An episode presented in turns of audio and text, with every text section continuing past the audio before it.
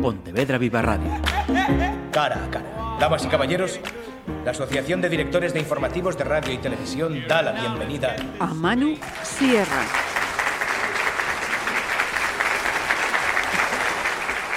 Saludos para este último cara a cara de 2021. Nos vamos a quedar con otro pontevedrés que también está teniendo reconocimientos con su faceta de escritor. Lo tenemos aquí porque está mm, aprovechando para pasar unos, unos días eh, navideños, pero él reside fuera de Pontevedra. Así que le voy a dar ya la bienvenida. Manu Sierra, bienvenido. Bien muchas gracias. Mira, como decía, estás pasando unos días en Pontevedra, pero ¿cuántos años llevas en Sevilla? Yo llegué a Sevilla el 1 de octubre del año 99, el siglo pasado. Llevo desde el milenio pasado en Sevilla y llevo fuera de Pontevedra desde el año anterior, desde el 98. Era otra ciudad. Desde luego, sí, Absolutamente. Pero vamos, yo soy más pontevedrés que Teucro y creo que nunca, salvo el maldito año pasado, nunca he faltado pues, Navidades, verano y otras, mínimo dos o tres veces al año estoy siempre por aquí. Sí, señor. Mira, y te puedo preguntar qué te llevó a Sevilla. Ah, el mejor de los motivos. Pues como te decía, en el 98 me emigré a Inglaterra y, maldita sea mi suerte, allí encontré a una sevillana y había que decidir y en su momento decidí Marchar a Sevilla. Sí. ¿Profesionalmente te dedicas a esto de la escritura o no? Actualmente he decidido desde el 2017 que se acabó de tener cuentas pendientes y que no hay otra manera que dedicarse a esto como un oficio. Y más allá de otras pequeñas actividades alimenticias, me dedico en plenitud a, escribir.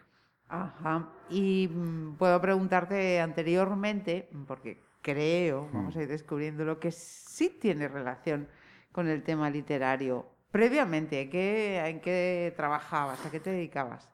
Tal vez el, trabajo más definitorio que más me señaló y que era mucho más que un trabajo, y durante muchos años en Sevilla eh, fui sindicalista. Fui primero afiliado, delegado, presidente de varios comités de empresa, hasta que en un momento dado, y porque debe ser que los gallegos somos petamos fuerte allí, em, me dieron un cargo en el sindicato del que luego prontamente dimití y que es eh, gran parte de la, de la esencia de este libro, de corrupción. Bien.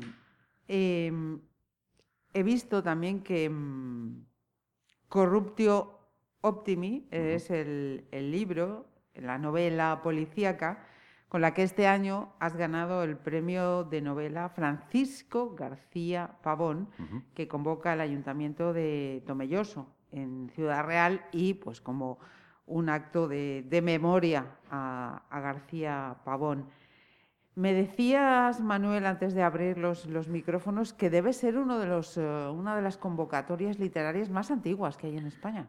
Tienen 70 eh, años, de hecho es eh, el plato fuerte, digamos, de las festividades en, aquellas zonas de Ciudad Real.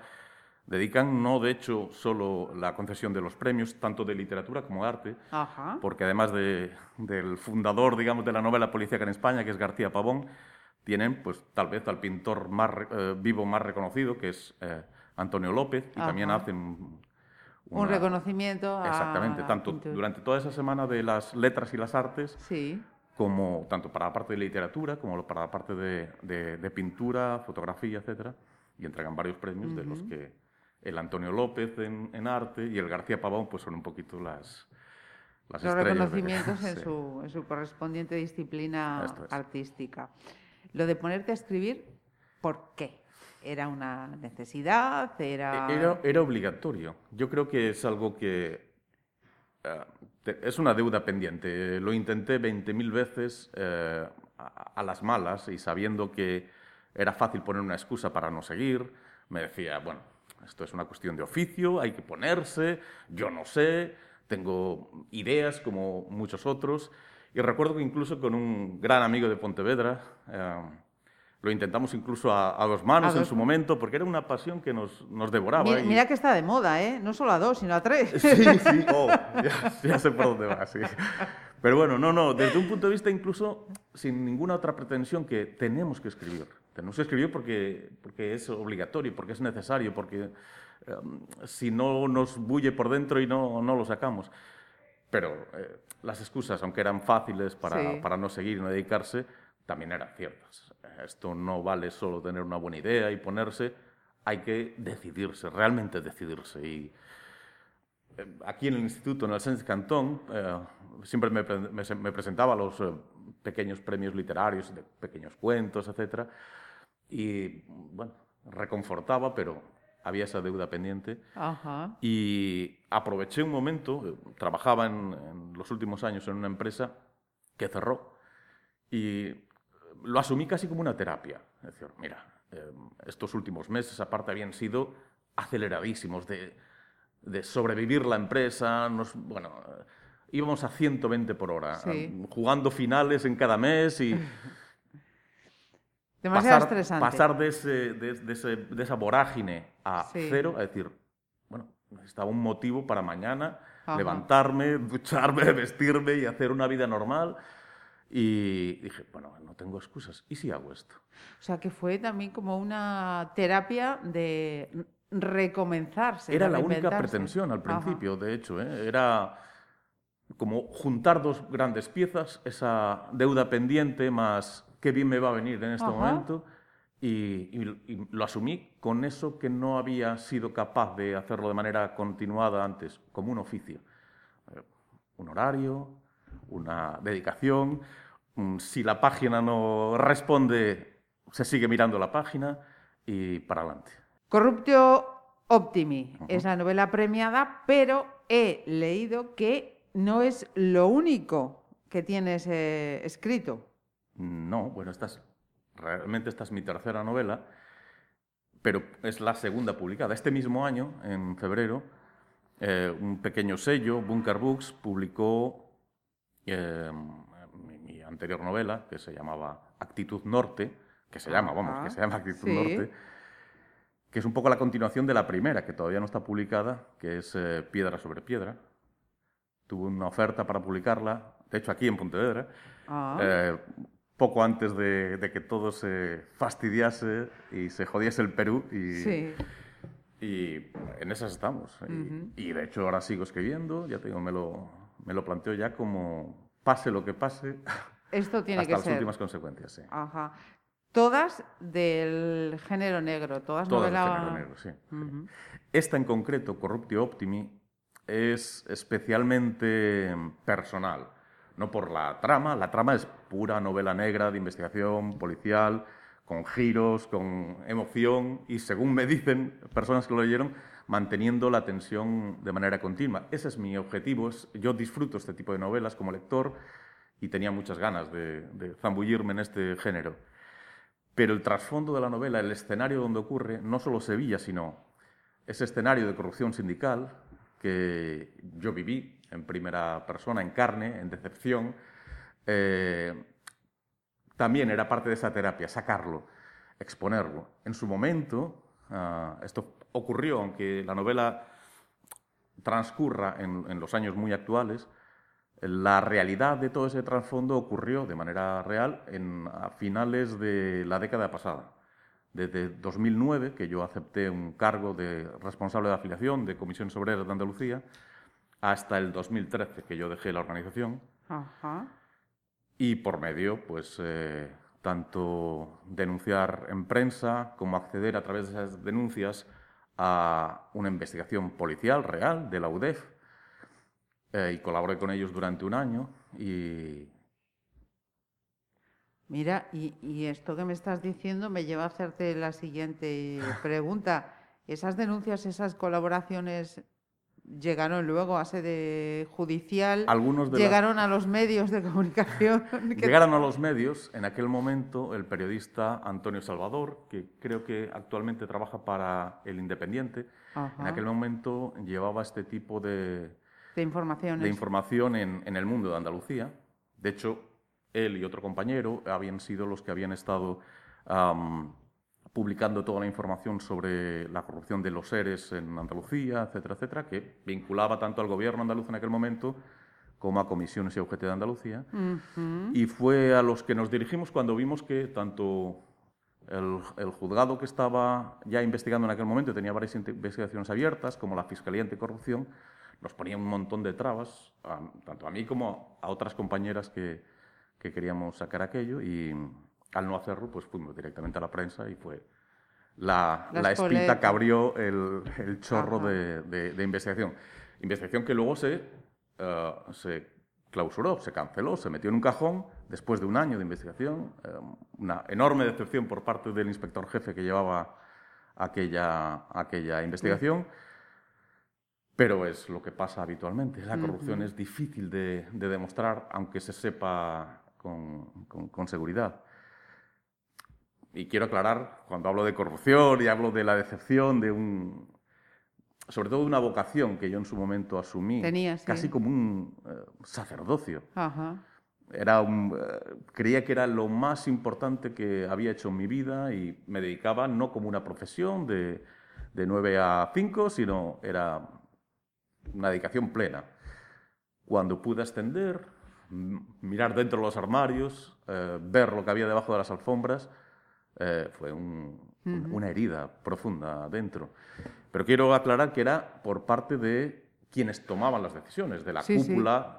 Del sindical en defraudando no solo a miles de personas que en su centro de trabajo, en las bases del sindicato, pues se dedicaban con, la misma intención casi sacerdotal a una misión necesaria, que sigue siendo tal vez más necesaria que nunca, como además a la historia. Que yo cuando me afilié, yo no tenía ninguna experiencia sindical, cuando me afilié a comisiones obreras, para mí comisiones obreras era Marcelino Camacho.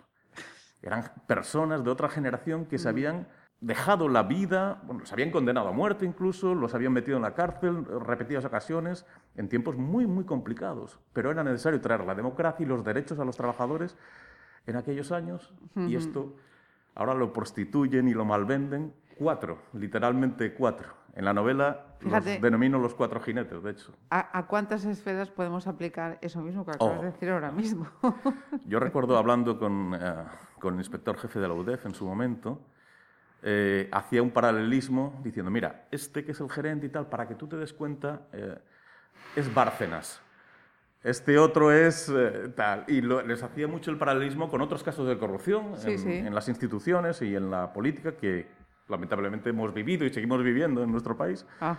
Y era muy triste que precisamente en, una organización que debería ser punta de lanza para denunciar estas, estas prácticas, pues un pequeño grupo, pero que estaban en la cabeza de todo, utilizasen eh, la ilusión, el esfuerzo, incluso muchos millones de dinero público para sus propias beneficios y acciones.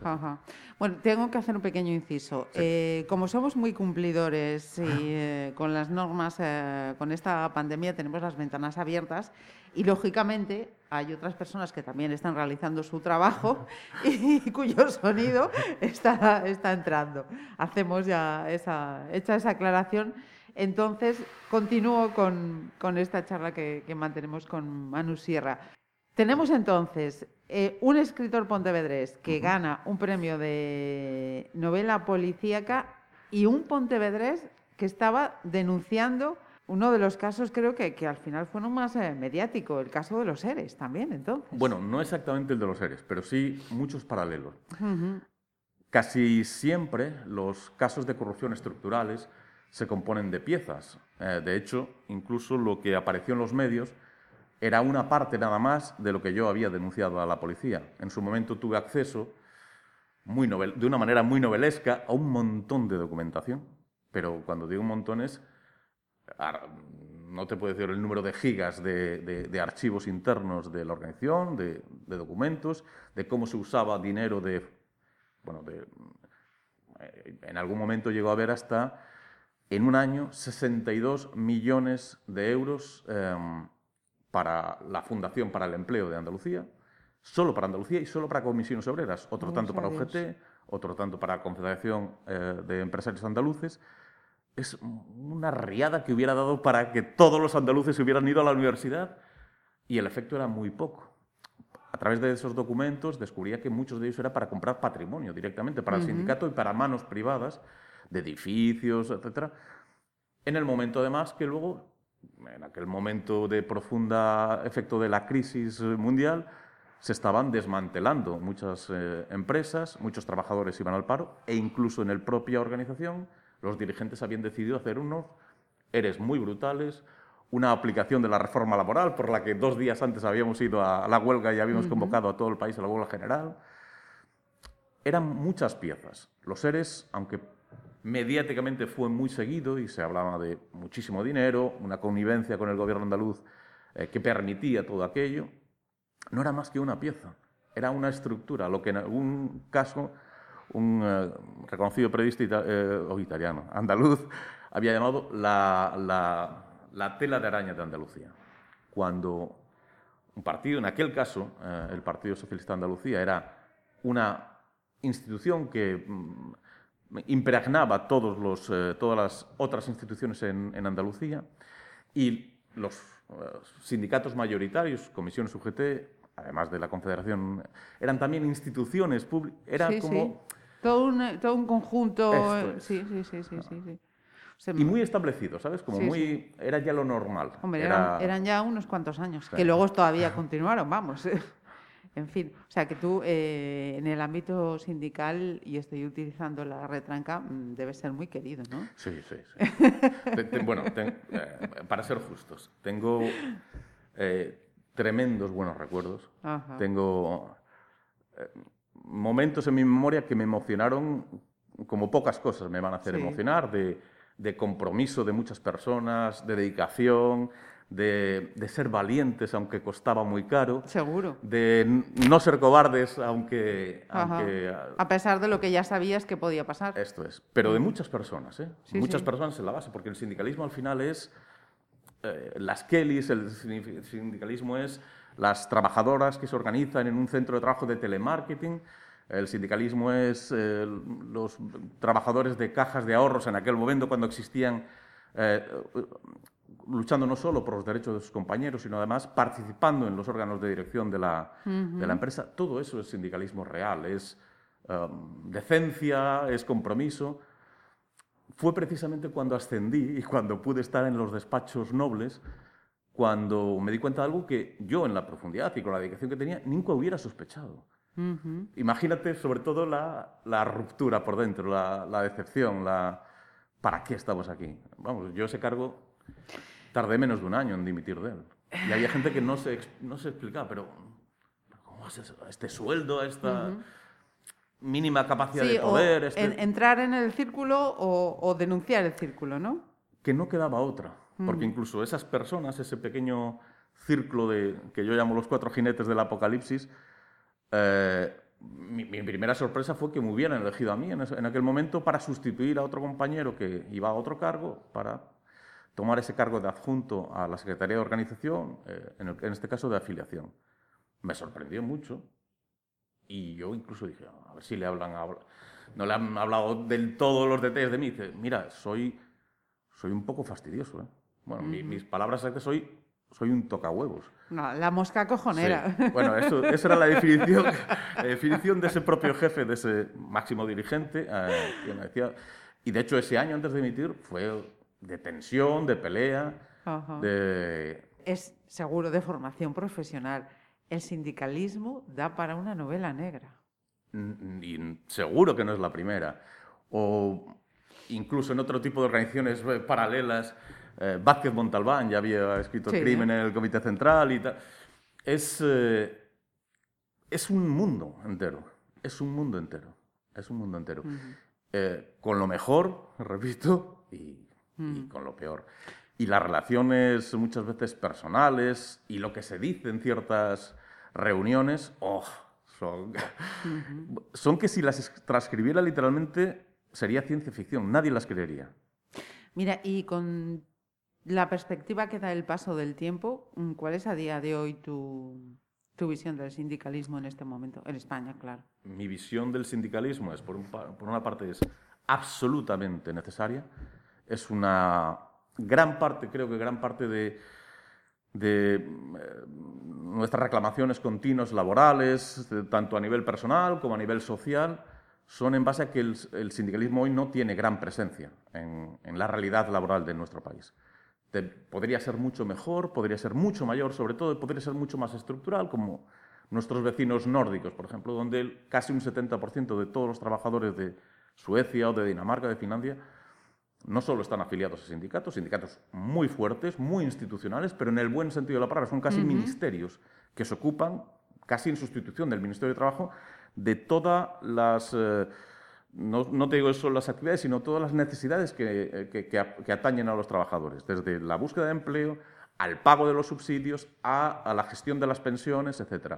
Toda la parte política eh, es un segundo plano en estos sindicatos. Son realmente una asociación real de trabajadores, como puede haber en cualquier otro ámbito de, de implicación, donde la gente se junta para defender sus derechos, Y, sus necesidades, etc. En España, tal vez por eh, nuestro bagaje de cómo se legalizaron las organizaciones y de dónde veníamos, se les dio a los denominados legalmente sindicatos mayoritarios un papel preponderante desde la Constitución que podría haber servido como una gran herramienta, salvo que se hubieran adocenado.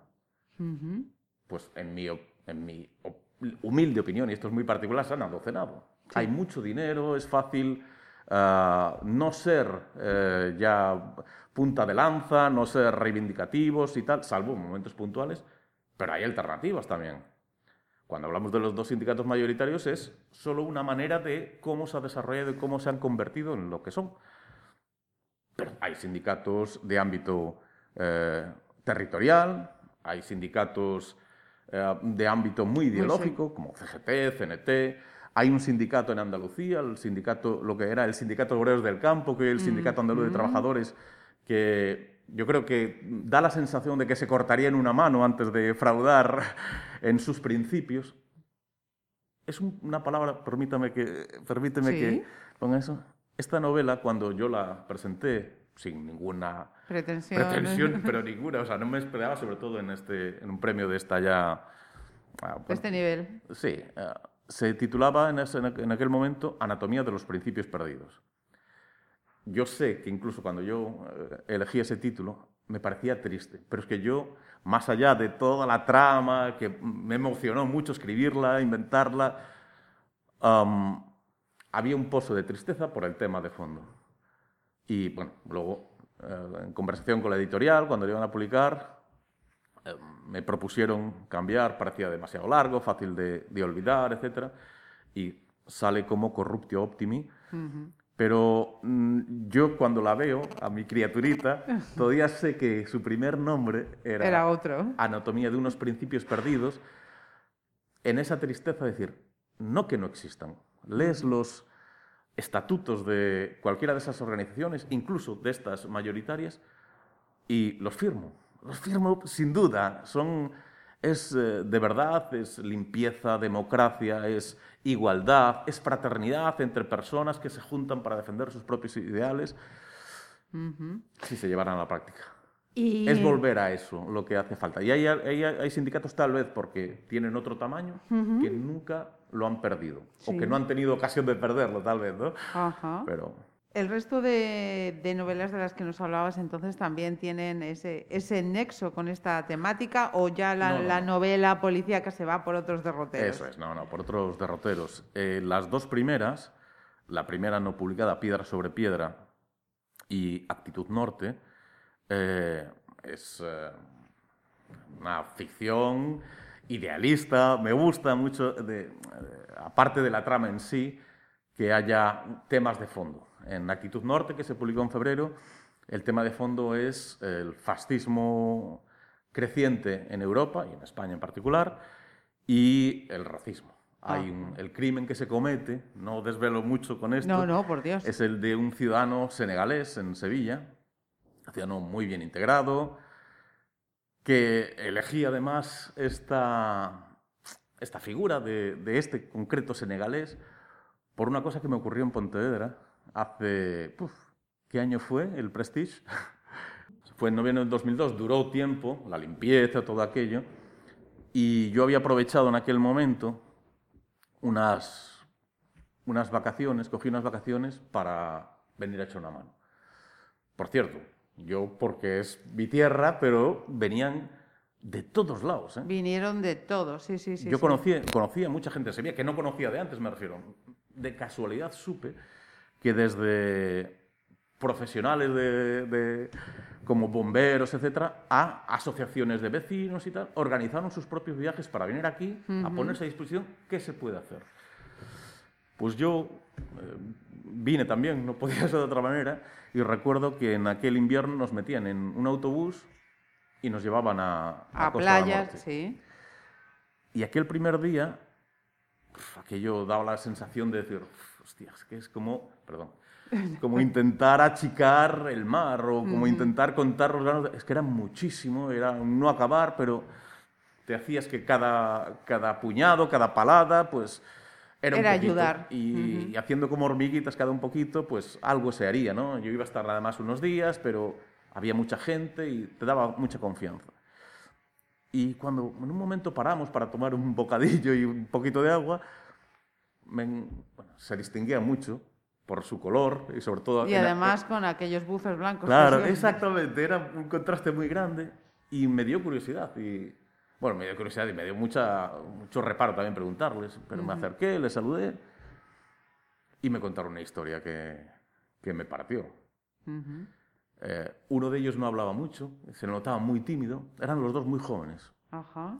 y el que era más mayor eran dos hermanos. Me decían que habían llegado en tren desde, no recuerdo si Lleida o Girona, pero en todo caso que tra- estaban trabajando en el campo de jornaleros en, Sí, en Cataluña. en Cataluña y se habían cogido con sus medios y sin cobrar ah, un tren, habían cruzado España, España, de hasta aquí. este oeste, sí. y, y yo les pregunté, iba a decirle muchas gracias, pero les pregunté por qué. Y me habían dicho que ellos, donde el primer lugar a donde habían llegado, en barco, eh, enrolados como, como marineros en un, en un pesquero, había sido a Pontevedra. Y que habían estado aquí un año, bueno, no muy buenas condiciones, conviviendo con mucha otra gente, vendiendo en la calle, pero que mucha gente les ayudó. Y que mucha gente les, socorrió incluso en lo anímico, en momentos desconocidos, gente desconocida, y que se sentían muy agradecidos. Que dos personas que se están levantando todos los días literalmente para buscarse la vida, eh, hayan guardado un agradecimiento que es mínimo de, entre personas para hacer ese esfuerzo que a ellos les costaría muchísimo más que a mí. Y, él, y pueden decir que no era su tierra, pero para ellos la era y cruzar España perdiendo su dinero en condiciones muy precarias para venir a ayudar porque se sentían agradecidos. Yo en esa novela cuento esa anécdota de otra manera y, y dice quien la cuenta que, se, que no cree en los prejuicios, los prejuicios hay que sacárselos, arrancárselos, los tendremos, y, pero a, a costa de, de tener que arrancarse prejuicios casi siempre negativos, no va a perder el tiempo en arrancarse prejuicios positivos. Y yo tengo un prejuicio positivo, ya de simpatía eterna, hacia, hacia Senegal, por esos dos chavales eh, que si representan un poco a, a los Wolof, a la cultura de donde vienen, yo quiero que haya muchos de ellos entre nosotros. Caramba. Mira, y, y estos dos libros de momento, ¿dónde se pueden eh, adquirir? Pues no quiero criticar a, a la primera editorial que publicó mi primer libro, pero mm, no ha habido nunca, eh, no ha habido el más mínimo esfuerzo de, de promoción de esos libros. Se pueden encontrar pidiéndolos en cualquier librería, porque es cierto que hoy en día, aunque no estén en Físicamente, sí. librería Cao, librería... Sí. Tú vas y dices, mira, quería Actitud Norte de Manu Sierra y te lo tienen en dos días. Perfecto. Y perfecto. Corruptio Optimi, sí, ya es una editorial con, ya de otro tamaño, versátil es... eh, por cierto, es una, una editorial que yo, porque soy un ignorante, yo no conocía, pero incluso con otros amigos escritores o u otros amigos de, eh, con, con mucha, mucha tradición lectora, me decían, sí, sí, versátil. Ah, pues muy bien, me siento más reconfortado, de- he caído en Ajá. buenas manos, pero, pero yo no la conocía. Muy bien, sí. Están Ajá. haciendo promoción, hay, lo hay en, en varias librerías, no sé decirte cuántas, pero también es fácil de conseguir, si no por la web y tal. Mejor por la web de la editorial o mejor en las librerías, sobre todo en Pontevedra, que no en Amazon, que queda muy lejos. Y... Ujú.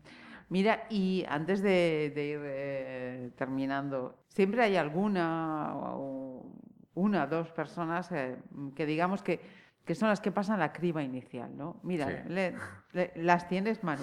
Mira, las tengo porque, vamos, el primero, siempre el primero que lee lo que yo escribo, es un abogado pontevedrés que está, tiene su despacho a 200 metros de aquí, en la calle Oliva, y Félix Hernández, José Félix Hernández Casal, es, eh, es un tipo en el que, aparte de ser eh, mi amigo del alma desde que éramos eh, unos niños en el instituto, es una persona de la que yo me fío de su criterio. Es un lector empedernido.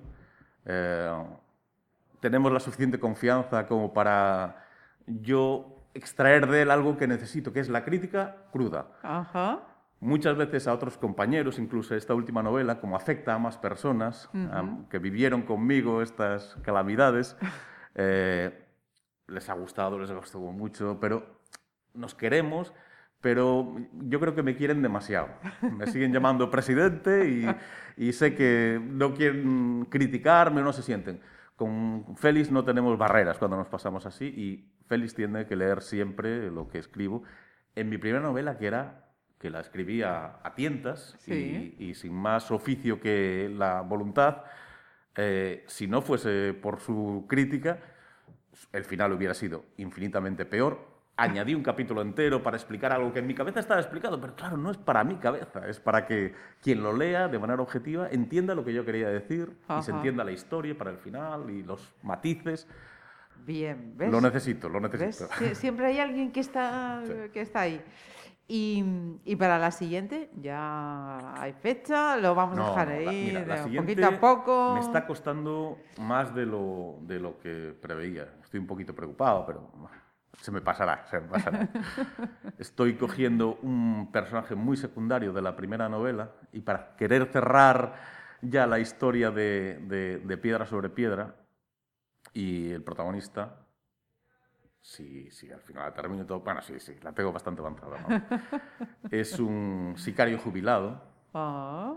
que no es, eh, no es un cínico, sabe lo que se dedica, sabe que es un trabajo, no es un, no es un psicópata tampoco, pero ya en su jubilación y después de darse cuenta de que ha llegado a los 66 años sin haber acabado en una prisión turca ni con dos tiros en la nuca, Ah, que ha tenido mucha suerte, porque tiene su método y mucha paciencia, y es un tipo muy metódico. No quiero con esto que admiremos su trabajo, pero bueno, un trabajo bien hecho siempre, siempre, siempre merece la pena. Y le ocurren cosas que tienen que ver con... Le empiezan a ocurrir cosas que él nunca se hubiera imaginado. Pues eh, Manu Sierra, ya veis, si queréis leer lo que escriben autores pontevedreses, eh, nos deja varios títulos.